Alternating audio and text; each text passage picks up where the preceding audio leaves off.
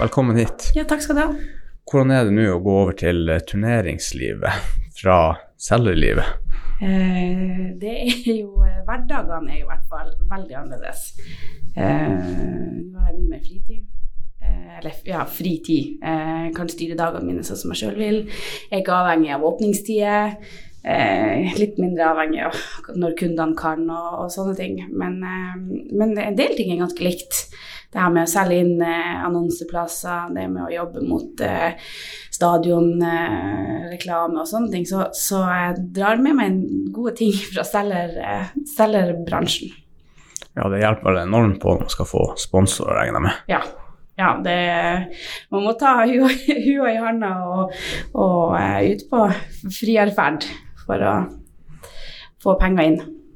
Like, Syns du så det er egentlig bedre å ha litt mer frihet i hverdagen? Jeg var, jeg var veldig spent sjøl når, når jeg begynte, eh, hvordan jeg kom til å, å håndtere det med, med den friheten. For ofte så slipper man seg jo sjøl litt ned, og så blir det kanskje for fritt. Så jeg var litt redd for at kommer jeg til å klare å være strukturert nok, kommer jeg til å klare å holde tidsfrister og sånne ting når jeg får så frihet at det lett kan skli ut. Men, men eh, jeg syns det har vært kjempeartig å få, få den endringa. Man får kanskje litt mer sånn her eierfølelse også, Ja. når man eh, er sin egen sjef. Ja, når du kan styre sjøl, ja. Ja, det vil jeg absolutt si. Og det er klart at det er jo, det er jo ditt prosjekt, og, og selv om vi er Altså, jeg er på ingen måte alene. Jeg har jo kjempeteam rundt meg på både håndball- og fotballturneringer. mm. og for så vidt i prosjekt, prosjektutviklingsfasen også. Så jeg har jo mye folk rundt meg, men, eh, men du får den der lille, lille ekstra Det er liksom litt babyen din. Eh, begge turneringene, da. Hvor mange stillinger er det? Er det flere fulltidsstillinger nå i Alta IF, eller er det Altså på, på, I administrasjonen per i dag så er vi vel seks ansatte. Uh, der er, de søker jo etter uh, markedsansvarlig, egentlig både ja, på fotball hovedsakelig, og så kommer det vel muligens på håndball etter hvert. Og så er det jo meg da som er i prosjektstilling på da Alta-turneringene. Så, um, så vi er jo seks stykk. Eh, og da på Alta-turneringene så er det meg som er 100 da. Du hadde nerver før den første turneringa Oh, du var stadig for. oh, vet ikke, det var helt uh, Ja, altså, jeg, jeg, jeg var veldig spent først. Og nervene kom vel ikke egentlig før det braka løs på fredagen. Uh, Alta-turneringa starter jo fredag til søndag, uh, altså fotball. Eh, og jeg klokka klokka tolv så hadde jeg vel min første, kanskje min andre breakdown. hvor, hvor jeg bare følte at det her, nå vil jeg bare hjem. Uh, og da snakka jeg med en som har gjort det her i mange mange år. Hun ringte til meg og skulle bare sjekke noe is. I, ironisk nok skulle hun sjekke om vi hadde kontroll på isen og hvor den skulle. Og litt sånn der, og så sier hun 'går det bra?' Og jeg bare 'nei, jeg vil bare hjem'. Og eh, da sier hun til meg 'ja, men du skal ha det et sånn par ganger i dag', så, men det går over. Så på fredag klokka tre så begynte jeg vel å se folk, altså mennesker rundt meg. Da var liksom skylappene eh, borte, og jeg begynte å få pulsen ned og begynte å kose meg. Og da når jeg først begynte å kose meg, da var det jo bare eh, gullet godt. Hvor mange, er det, hvor mange deltakere er det totalt? Eh, I fotball så har vi vel en eh, fire og et halvt, vil jeg tro, eh, som kommer til byen, og det er håndball en tre og tre og et halvt. Så det er ganske mye. For, Det er voldsomt. Ja, altså det er jo en, eh, det er jo en kjempehappening for Alta som by. Både håndball og fotball, men spesielt fotball, da, for der kommer det veldig mye mer tilreisende. I, i eh, håndball så er det jo Det er jo ikke noe ferie. Så det er veldig mye mindre foreldre som kommer. Det er liksom reiseledere og trenere. Mens i fotball så kommer det jo stort sett i hvert fall er ett familiemedlem til de fleste som, som kommer hit. Så der har vi jo camping, og der er jo alle skolene. Det er, det er litt mer overnatting på skolene. Så, så det kommer jo mer folk til Alta i fotball, da. Hvor stort er Alta-turneringa hvis du sammenligner det med resten av f.eks. Finnmark og Troms? Ja, så vi er jo de største turneringene i Nord-Norge. Eh, Både på håndball og fotball, ja. Det er det. Største idrettsarrangementene, sånn, sånn faste, kan man ikke sammenligne det med i forhold til sånn som NM og sånne her ting. Det, jo, det kan man for så vidt. Men, men det er de største uh, idrettsarrangementene som er i Nord-Norge. Kunne man fått et NM opp hit? Uh, i, I fotball, tenker Ja. du? Ja, altså håndball nå, så prøver vi jo å få til noen kvalikkamper og litt sånne ting. Eh, men det er klart, vi har jo fasilitetene til å ha, til å ha alt her oppe. Så det burde ikke vært noe problem å få fått kamper hit opp. Hvordan går det med det her prosjektet med det her svære bygget som skulle bli bygd på Arones, idrettsparken? Uh, siste nå er at det er ute på høring, reguleringsplanen på området. Uh, og det er vel noen frister nå i 10, mm, rundt 10. mars, kanskje. Og mm. så skal det vel tas opp på kommunestyremøtet 9. mai. Så det er bare å krysse fingrene for at vi får eh, reguleringsplanen gjennom, og da kan man begynne å jobbe med området og liksom spikre planene mer enn det er per dag. Det skal jo noen tomter som skal selges, og så er det, uh, er det jo litt planer om byggeleilighet og litt sånne der ting, så det kan jo realiseres mer når, når reguleringsplanen er på plass. Så da begynner det virkelige arbeidet, så det, det er jo bare å krysse fingrene for at det går igjennom. For for min del så vil jo det ha utrolig mye å si å få det bygget på plass. Det er klart at kontorfasilitetene er jo så som så nede på Arnes. Det vet alle som har vært der nede. Mm. At det er ikke akkurat Det er ikke de beste, det er ikke de beste lokalene. Men eh, så det er jo for oss som er fast ansatte, det er jo det å få komme inn i nye lokaler. Men ikke minst det her med garderobefasiliteter på arenaen. Det med bedre kioskmuligheter og ja i hygiene og alt for oss som eh, når vi skal holde på med produksjon og sånne ting til turneringa, så er jo det gull. Mm. Tenker bare å få ordentlig ventilasjon i bygget er et stort pluss. Ja, absolutt. Nå på vinteren går det jo greit, eh, men på sommerhalvåret så, så, er det noen dager så varmt der inne at det er nesten best å bare flytte ut. Mm. Det blir jo et voldsomt løft for egentlig hele Alta hvis vi får det her bygget på plass. Ja, det var en av de tingene jeg tenkte på før jeg begynte i Alta IF, når jeg så de her tegningene. Jeg er jo opprinnelig fra Tverland og har jo tidlig, i mitt hjerte.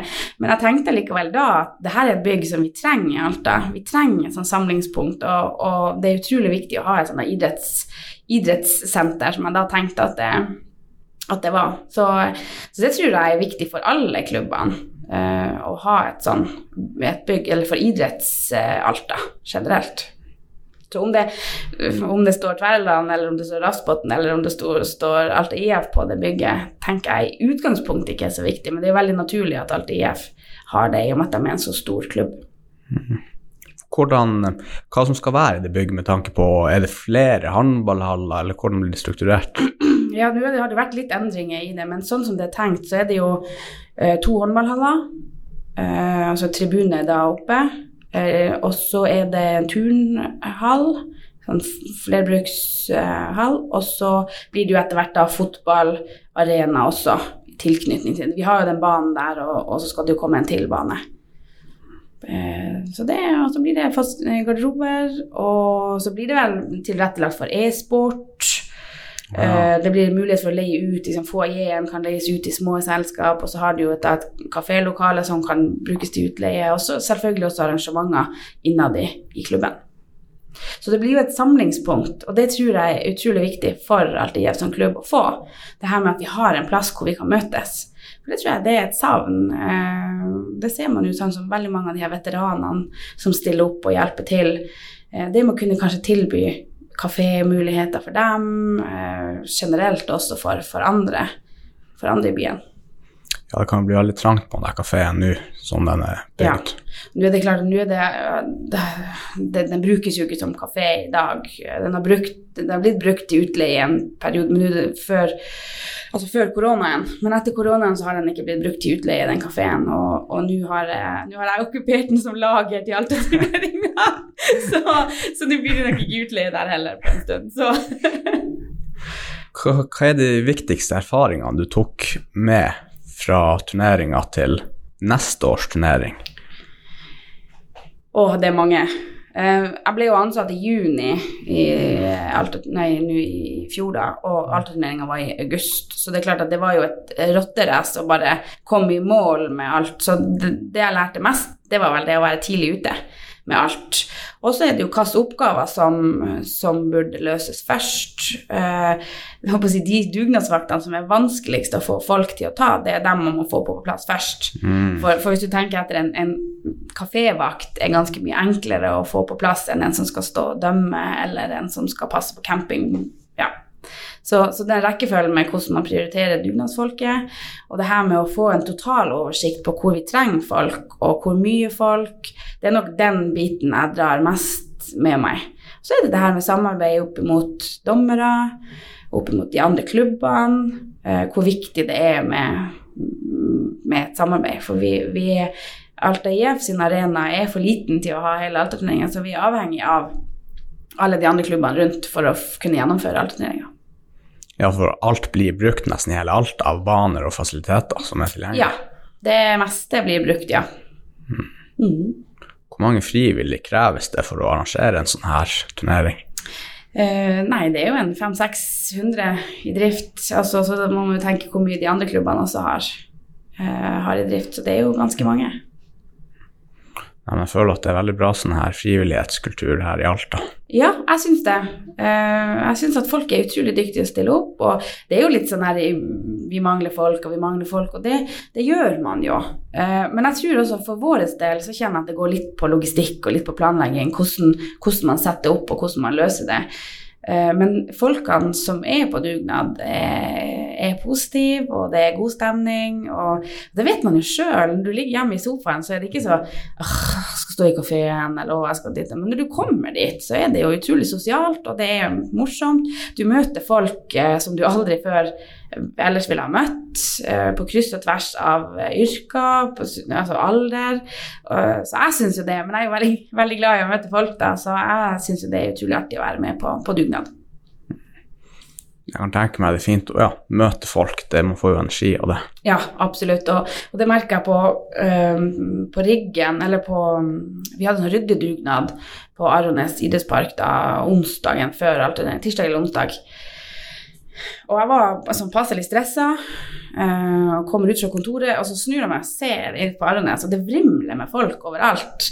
Og det var, sånn, å, så, det var sånn en skikkelig god følelse å gå inn i helga med den følelsen av at her er masse dugnadsfolk, her er masse å ta av, det er bare å spørre.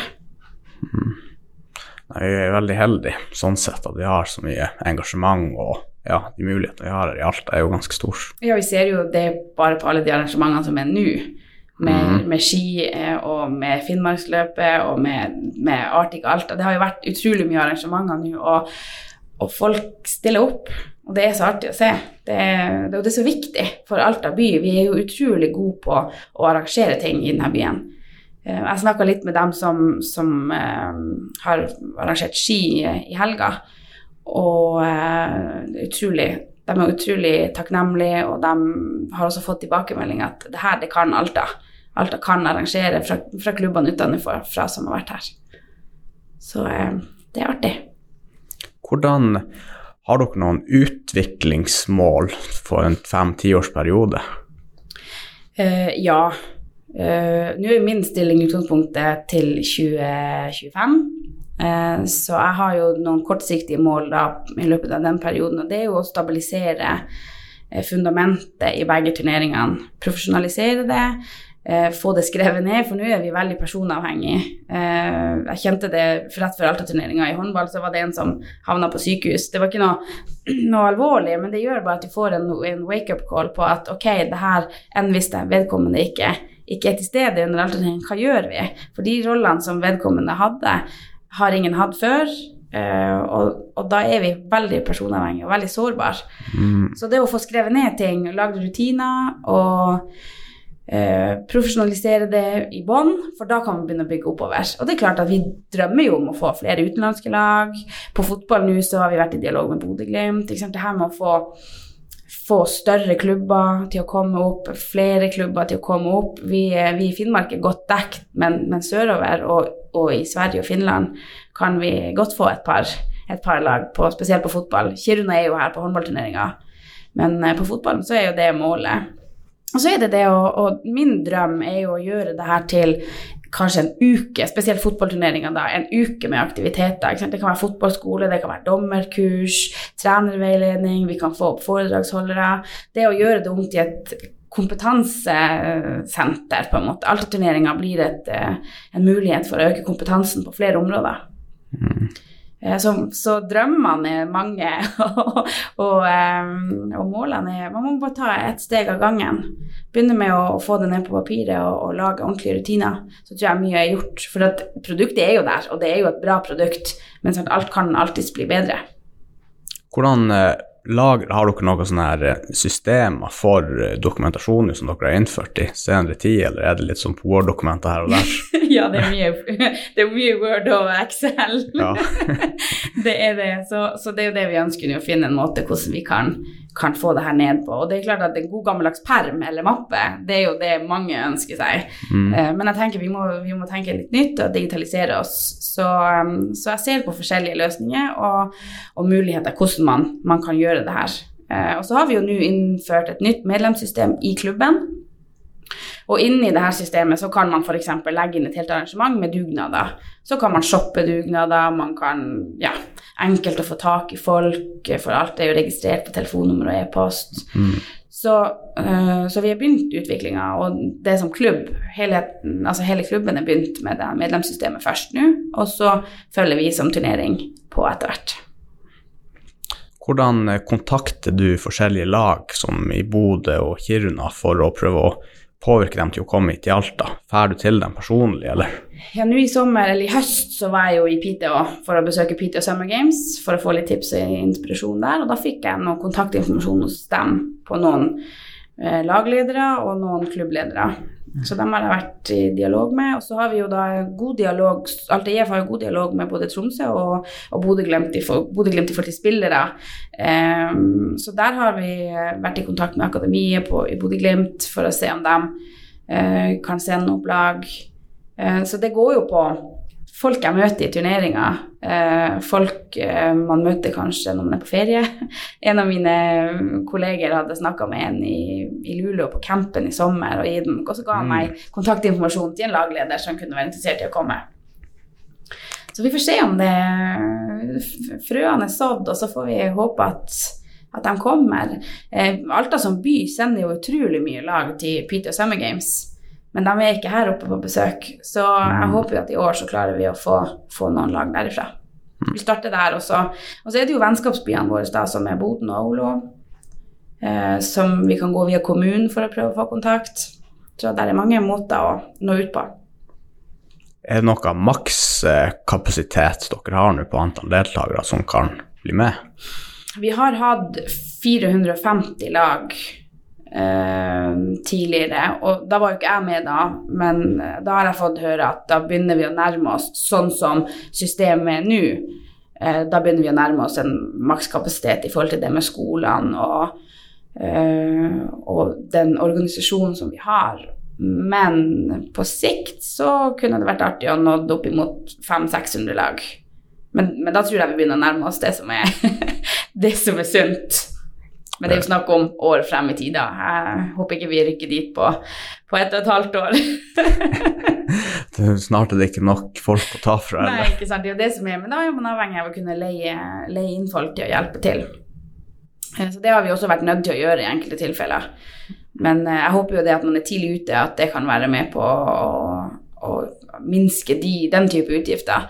For det er klart at nå jobber jo jeg året rundt med det her, kontra dem som har vært kontorledere tidligere eller, eller kontor, um, jobber på kontoret, og da har de jo hatt sin egen jobb i tillegg til Alta-turneringa. Så det er klart at mm. da blir det litt sånn Oi, nå må vi begynne å jobbe med Alta-turneringa, mens nå kan jeg ha fokus på det her hele året. Så jeg kan ta en telefon nå og en telefon da. Det er liksom ikke sånn at ok, nå er vi i mai-juni, nå må vi begynne å ringe.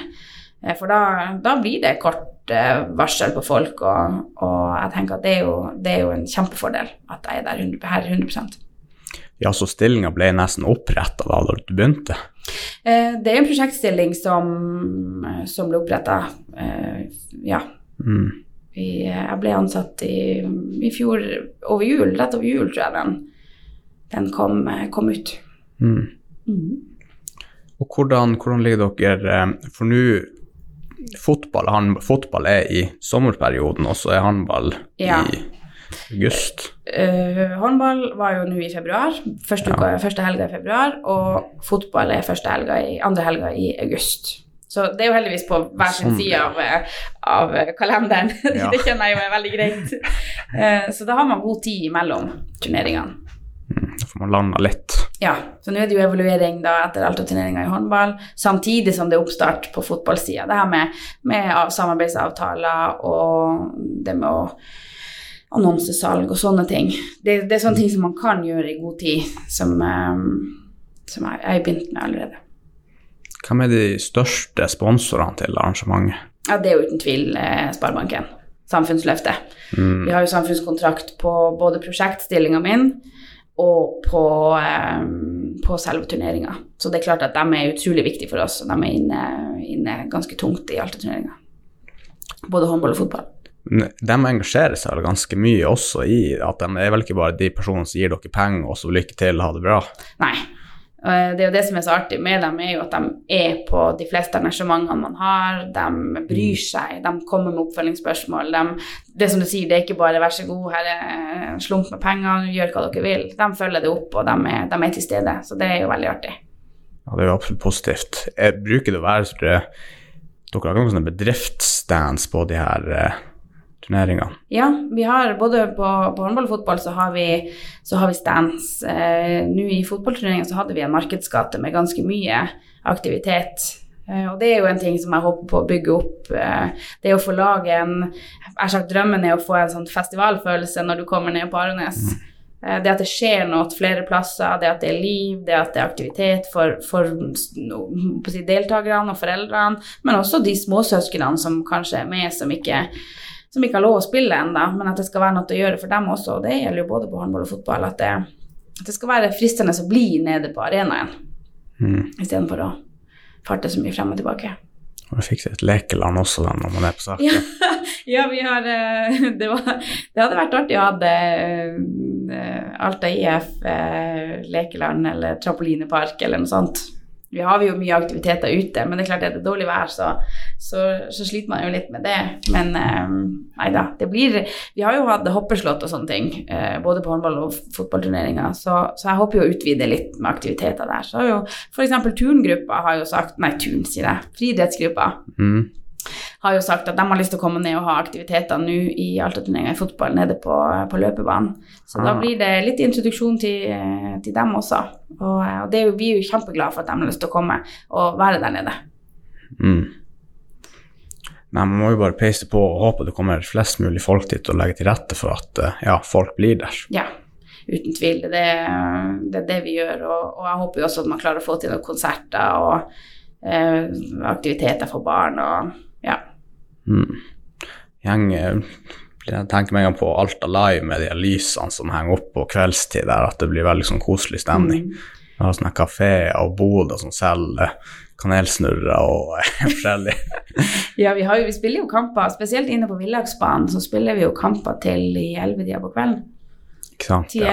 Det er jo sånn at lyskasterne må på, for at det blir jo mørkt. Mm. Så eh, så det er klart at um, og, og, vi, jo, vi, er jo kjent for finaleshowet på håndball. At der er mye pyro og mye, mye, liv og røre. Og det er klart at det er jo en ting som, som jeg kjenner at jeg har lyst til å dra med meg til, til fotballarenaen også, spesielt rundt finalene. Kanskje at vi gjør litt ekstra rundt det. Mm. Så der håper jeg at jeg får noen med meg til å, til å lage litt show og, og bruke litt, litt, pyro og litt, uh, litt sånt. Ja, hva er den Pyrovik eller noe sånt her, han som har de her på håndballturneringa? Ja, eh, det er jo han eh, Jan Sigurd Sønvisen sitt gjeng, de er jo med, men der har jo også han eh, Gjermund Pyrovik vært ja. med. Han var jo med på fotballturneringa også nå. Vi hadde noen konserter med minikonsert med Petter Karlsen og litt Bli med dans, og da var han jo der. Så jeg håper jo at de er, de er, med videre. Det tror jeg. De er veldig gira på å få til ting, de òg syns det er artig å være med på turnering. Og, og, det er jo også en, en, av de tingene som man, som man er nødt til å ha fokus på, det her med hvor kan man bruke dugnadsfolk. Uh, for at sånn som han, hvorfor skal jeg bruke han til å stå i kafé eller stå og selge lodd, hvis jeg kan bruke han til, til å holde på med pyro? så slipper jeg å leie noen til å gjøre det. Jeg, klart jeg må betale for, for materialene, men da slipper jeg i hvert fall å betale noen for å for å gjøre det. Hvis det kan være hans dugnad under turneringa. Så det er også en av de tingene som jeg vil jobbe med videre. Det her med å tilrettelegge for, for forskjellige Altså komme med ønsker. Hva vil dere gjøre? Hva, hva kunne dere tenke dere å holde på med? Jeg har sett på den her Superbowl i Amerika. Der har vi sånne halftime-shows for ja. noen kjendiser der og står og synger og lager show.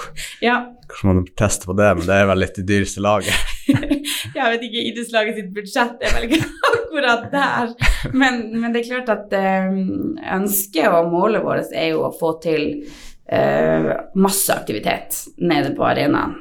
Uh, både mellom kamper Kanskje vi må, vi må ha opphold i kampoppsettet for å få, for å få flest mulig med på f.eks. en konsert. Et av målene mine og et av ønskene mine har jo vært i år å få til en sånn her uh, gratis konsert her på Alta sentrum uh, fredagen i Alta-turneringa. Mm. Det er litt for å, å, takke dugnadsfolket som stiller opp, litt for å takke Altas bedrifter og generelt Altas befolkning for å stille opp og hjelpe til. Uh, det er liksom Finnmark fotballkrets hadde nå en frivillig kveld eh, for å hedre de frivillige. Og det, det er litt i samme, samme ånden, det her med at man, man tilbyr en gratiskonsert for, for ikke bare deltakerne på, på, idrettsparken, men vi drar den hit opp eh, for, å, for, å, nå ut til flere. Eh, så det er klart, det er ikke spikra noe, for det er jo selvfølgelig et økonomisk spørsmål på alle de her tingene. Det som Vi som idrettslag har ikke sjanse å, å finansiere, fullfinansiere et, en, en, et sånt arrangement, så der er jeg avhengig av å få sponsa inn litt penger og, og bidrag fra, fra, næringslivet. Har jo også søkt f.eks. Kraftlaget om midler til, til, både det, og så har jeg et ønske om å få til eh, aktiviteter for tilrettelagt fotball under Alta-turneringa. Eh, der er målet å få tak i, i fire Vi har jo ett tilrettelagt fotballag i Alta. Jeg ønsker å få tak i tre-fire lag til. Hva vil det si at det er tilrettelagt fotballag? Tilrettelagt uh, fotball det er for dem med funksjonsnedsettelse. Mm. De har jo både håndball og fotballag. Og under Alta-turneringen i fotball, eller begge turneringene, da, så spiller de kamper mot funksjonsfriske lag. Og det er utrolig artig å se på. Jeg snakka med et dommerpar som dømte en av de kampene under Alta-turneringa i håndball, og sa det er en av de beste kampene de har dømt i hele sitt liv. Helst. Da spiller jo de her som har en helt sinnssyk idrettsglede, mot funksjonsfriske da i, i 13-14-årsalderen. Og det å se eh, hva det gjør med de 13-14-åringene som vanligvis kjemper med nebb og klør for å vinne, eh, senker seg på et nivå og lar dem få den følelsen av å vinne de her mm. eh, tilrettelagt eh, idrett. Det er så artig å sitte og se på både som, som arrangør og som tilskuer, for at det er viktig for, for tilrettelagt aktivitet, og det er viktig for, for funksjonsfriske, det å se den gleden eh, hos, hos, de her som er med. Så Derfor ønsker vi å få til et større opplegg rundt det med tilrettelagt idrett. Det at de får være med. De har jo landsstevne i eh, for tilrettelagt. Men det at de får være med funksjonsfriske på en helt vanlig turnering, syns mm. jeg er så utrolig viktig. Eh, så Derfor ønsker vi å lage et opplegg rundt det og, og nå ut til, til, Troms eh, og resten av Finnmark også. Og der har jeg også vært i dialog med, med Finnmark fotballkrets eh, om å hjelpe meg for å nå ut og, og finne tak i lag. Og så arrangere en, en middag for dem da på kvelden, så at de får samles da. Ja, jeg kan tenke meg at det hjelper mye med tilhørighet og føle seg som med gjengen, rett og slett. Ja, og de gjør det. Det, det er så artig å se. Alle som har, alle som har vært og sett eh, den idrettsgleden de, de, de, har, og det de får til, og det Ja, det, det, det er rørende. Veldig. Har du drevet med noe fotball eller håndball sjøl? Ja. Eh, jeg har eh, spilt fram til jeg var 16-17 år, eh, både håndball og fotball i Tverreland. da. Jeg spilte et halvt år i Alta IF, men så var det et, Det var et kne, ikke det det de sier? Ja. Når man gir opp idrettskarrieren sin, så det et dårlig kne eller noe sånt. nei, jeg har spilt aktivt i masse, masse år. Hva som Hva var gnisten til at du begynte med det? Det var foreldre, eller?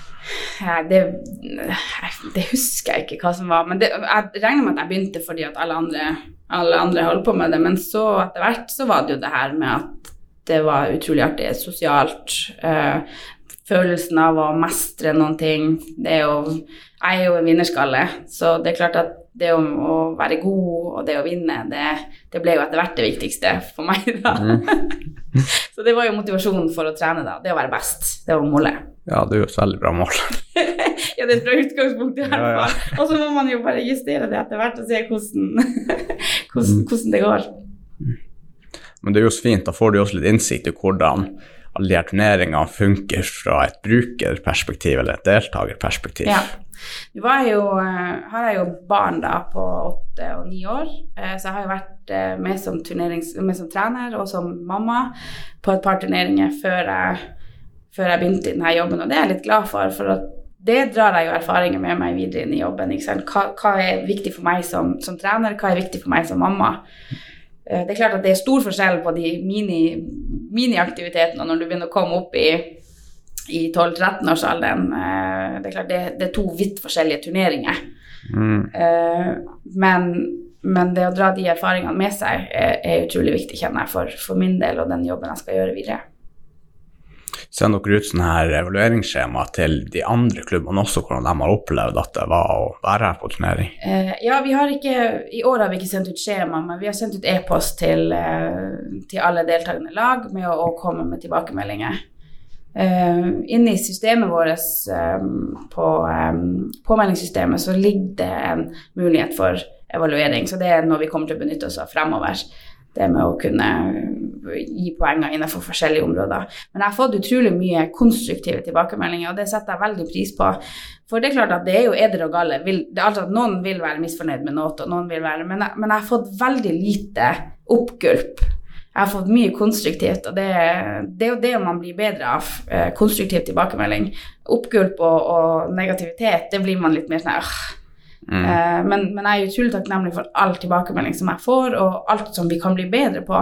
For vi er jo avhengig av å få, få høre. Ok, hva er du ikke fornøyd med? Ikke bare 'jeg er ikke fornøyd'. Nei, ok, men, men med hva? Det blir jo bare sånne Facebook-hatkommentarer. Ja, det har vi nok av, så det tenker jeg det er, det er jeg veldig glad for at vi slipper, i hvert fall. Ja. Men Hva du gjorde før du ble turneringsansvarlig? Eh, Jeg jobba som kjøkkenselger eh, hos Alta kjøkken og interiør. Eh, Der har jeg vært i siden 2011. Kanskje, ja. Vært der i 10-11 år. Følte du at du trengte et bytte bare til noe helt annet? Ja. Eh, de, det er ikke til fem år de sier man skal være på hver arbeidsplass. Ja, det blir bare mindre og mindre. jeg tror også det. Nei, men jeg var jo der fra eh, 2011, og så fikk jeg jo barn eh, i eh, 13. Og så var jeg hjemme da, for jeg fikk to ganske tette barn, så var jeg hjemme i noen år, så jeg begynte å jobbe i, i 17 igjen. Så da jobba jeg fra 17 til nå til 2022. Uh, og det er klart at um, jeg elsker å tegne kjøkken, og jeg elsker å være selger. Det, det er ingen tvil om det, og, og det å være kjøkkenselger er fantastisk artig. Det har vært to tøffe år eh, med korona. Mye skader, mye forsinkelser, mye rest, mye, mye utfordringer som, som vi som selgere ikke kan gjøre noe med. Mm. Eh, Så til slutt så kjente jeg bare ok, nå har jeg lyst til å prøve noe annet. Og jeg håper jo og tror at hvis jeg finner ut at jeg savner kjøkkenselgerjobben, så får jeg den tilbake. Eh, Men sånn som det kjennes ut nå, så er jeg veldig fornøyd med det jeg, det jeg har gjort. Ja, du er på rett sted. Jeg føler det. På rett, på rett vei, i hvert fall. mm. Tok du, eh, når du tegner de her kjøkkenene, eller når du tegner, eh, tok du mye erfaring fra utdanninga innen sånn visuell kommunikasjon, da? Ja. Jeg føler at jeg har brukt eh, Eller eh, jeg føler at jeg har brukt alle, alle mine erfaringer i arbeidslivet fra tidligere av eh, med meg inn. For at kjøkkenet er det viktigste rommet i huset. Det er der du egentlig, bortsett fra soverommet, så tilbringer du mest tid, tid på kjøkkenet. I hvert fall opplever jeg det. Eh, og det her med å sette meg ned og snakke med folk Hvilket forhold har du til kjøkken? Skal du ha noe som er Instagram-vennlig, eller skal du ha noe som er funksjonelt? Mm. Det å sette deg ned og prate med folk, eh, og bli kjent med folk, familiens relasjoner, har du mange barn, skal dere ha flere barn? Altså, det med å bli kjent med kundene dine, det er det jeg syns var egentlig det beste med det å være kjøkkenselger. Det er forskjell på å være kjøkkenselger og være jeansselger. Er at Jeanskundene har du innom i, i kvarter, kanskje 20 minutter, men en kjøkkenselger har du innom ganske mange timer i løpet av prosessen. Da er det sånn at du går ut til huset og gjør en evaluering hvordan det ser ut, og så kommer du med noen forslag hvordan du best hadde løst det, deres problem, rett og slett. Ja, eh, mange ganger så for jeg jo hjem til folk, men samtidig så er det også frykten for å låse seg fast i en allerede eksisterende løsning. Så mange ganger så vil jeg vite minst mulig om deres kjøkken per i dag. Hvis det var folk som kom med renoverings... Eh, eh, skulle renovere et kjøkken, så vil jeg egentlig ikke se bildene før jeg var ute i prosessen.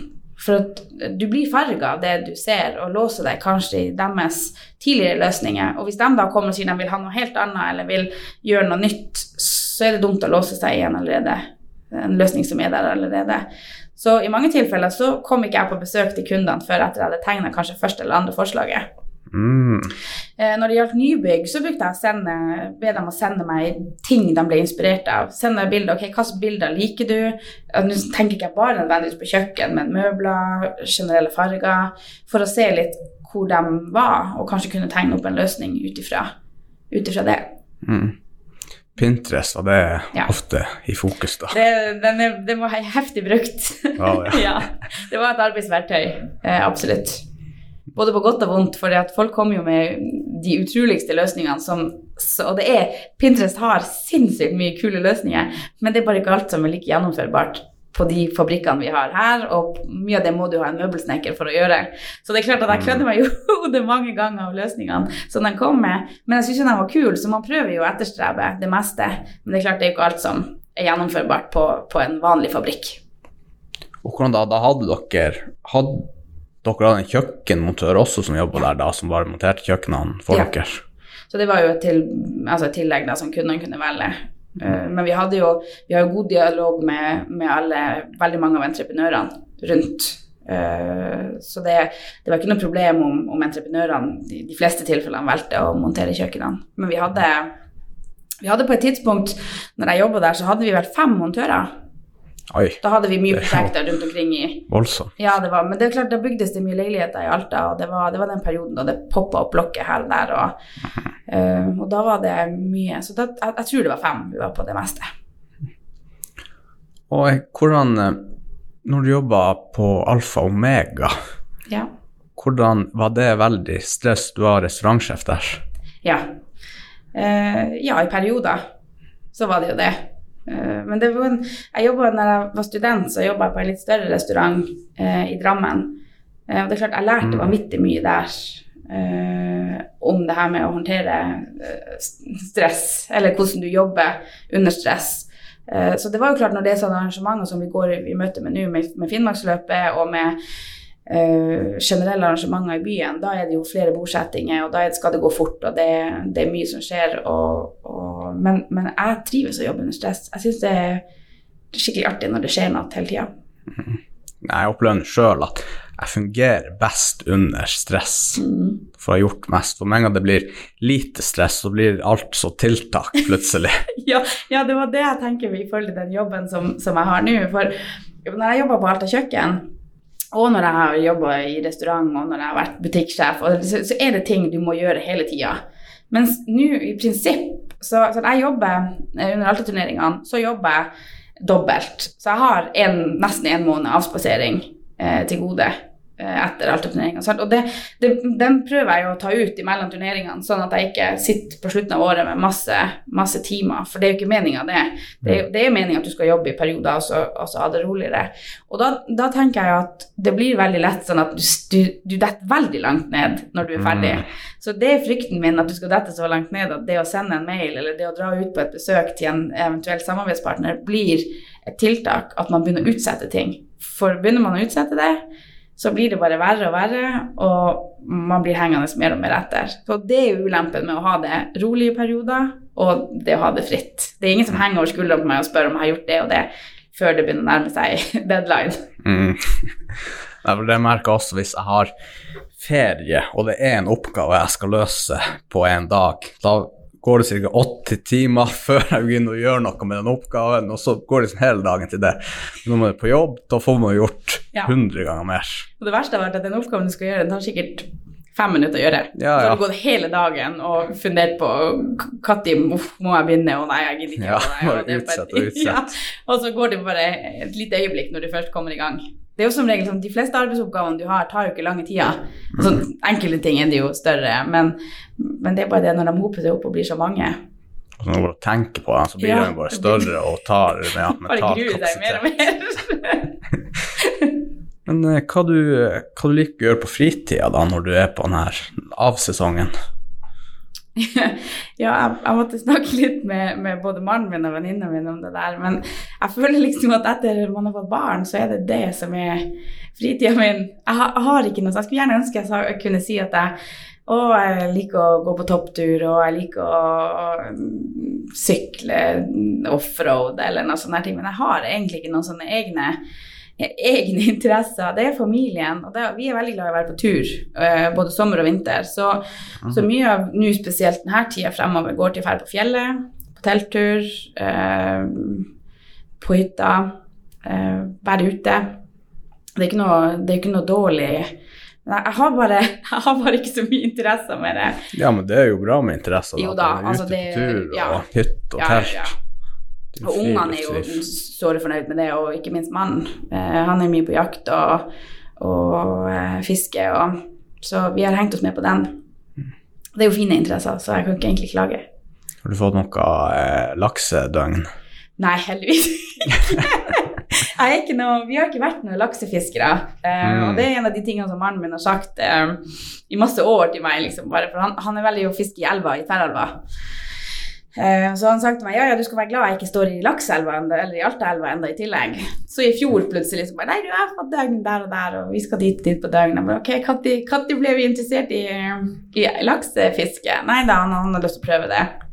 Så fikk han jo selvfølgelig en laks. og de sier jo det når du får den første laksen, så er du bitt av basillen. Så jeg har heldigvis ikke fått den ennå, så jeg er ikke, ikke bitt. Eh, men jeg fikk plutselig en melding her for ikke så lenge siden fra Ali at jeg hadde kjøpt døgn.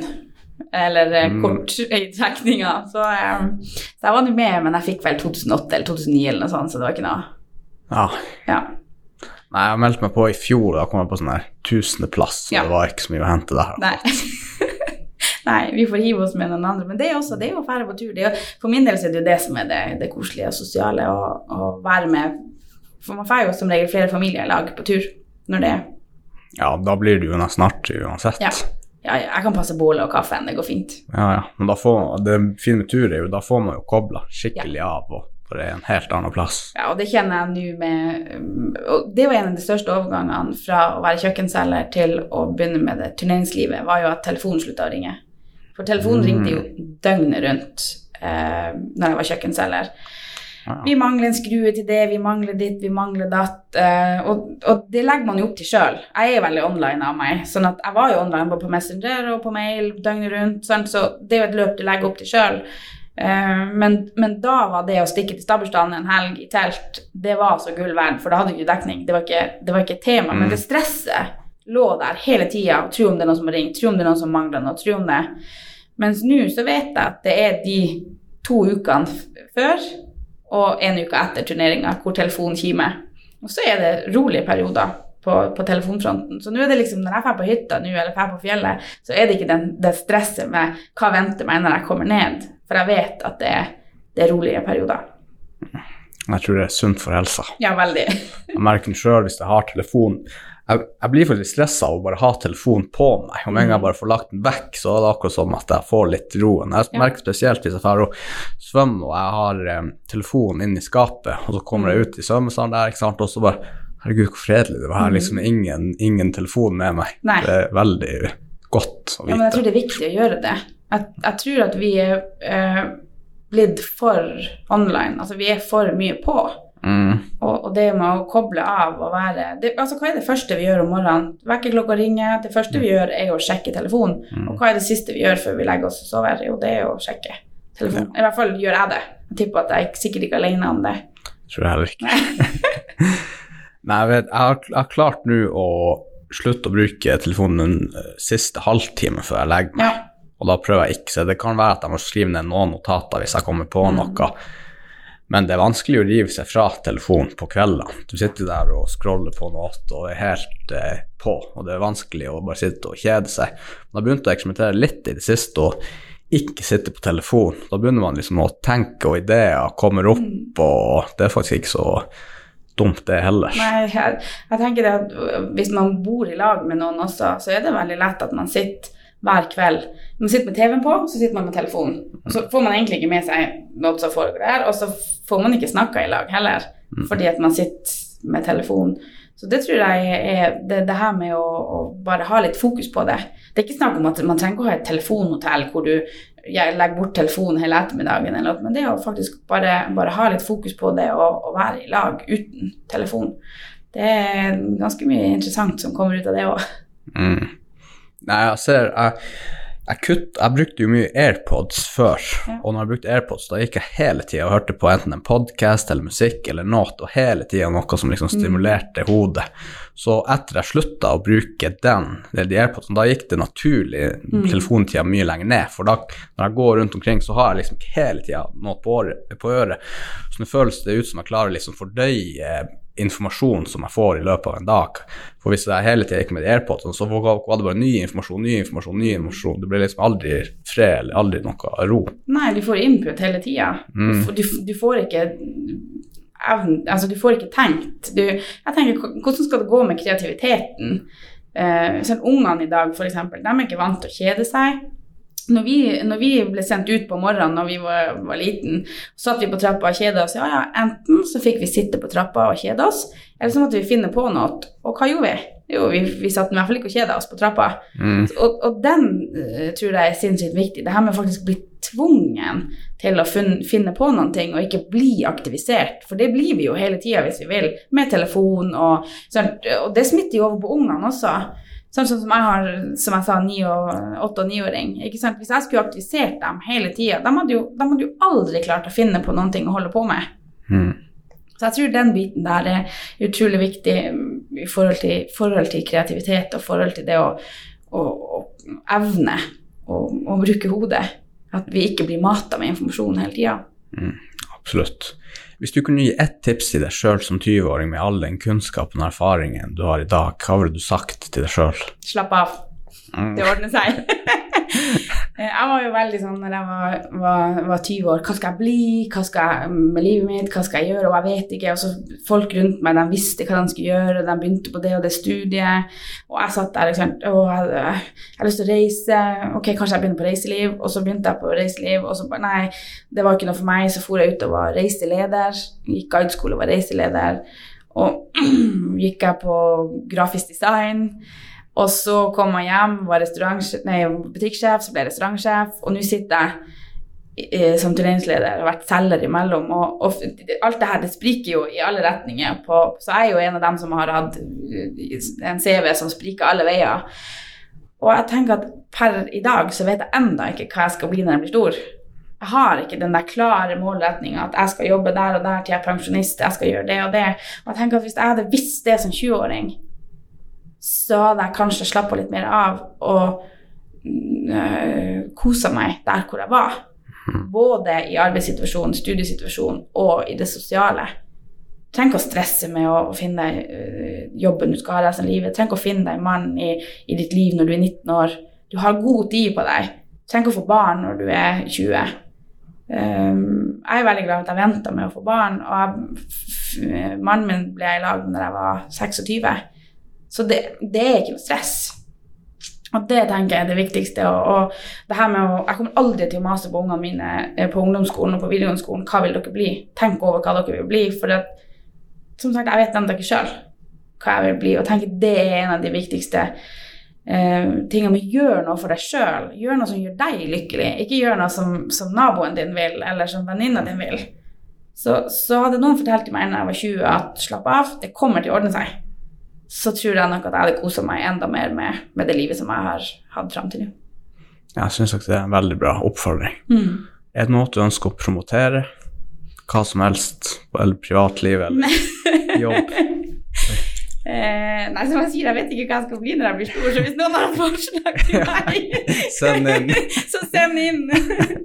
eh, nei, jeg har eh, Ja, i forhold til jobben min så ønsker jeg å promotere de her eh, aktivitetene som jeg ønsker å komme frem, sånn som det her med stjerneaktivitet, stjernehelg eh, under Alta-turnering, og det med tilrettelagt idrett. Eh, alle som har eh, noe forslag innenfor, innenfor det, alle som ønsker å gjøre noen ting for Alta-turneringa i håndball eller fotball, kom til meg. Eh, jeg bygger team, jeg har lyst til å ha folk med meg. Eh, jeg tar imot forslag. Jeg er med på det meste. Og eh, ja. ja. Det er vel egentlig Og e-posten din er sanna.altaif.no. Så da er det bare å sende alle henvendelsene Yes. dit. Men husk at han skal være konstruktiv. Ja. Det er veldig viktig. ja, men Da vil jeg egentlig bare takke for at du tok tida ut av en uh, travel dag og kom og snakke litt her på folk. Ja. Det var veldig hyggelig. Det var veldig hyggelig å bli invitert. Ja, det var hyggelig at du kunne komme. Perfekt.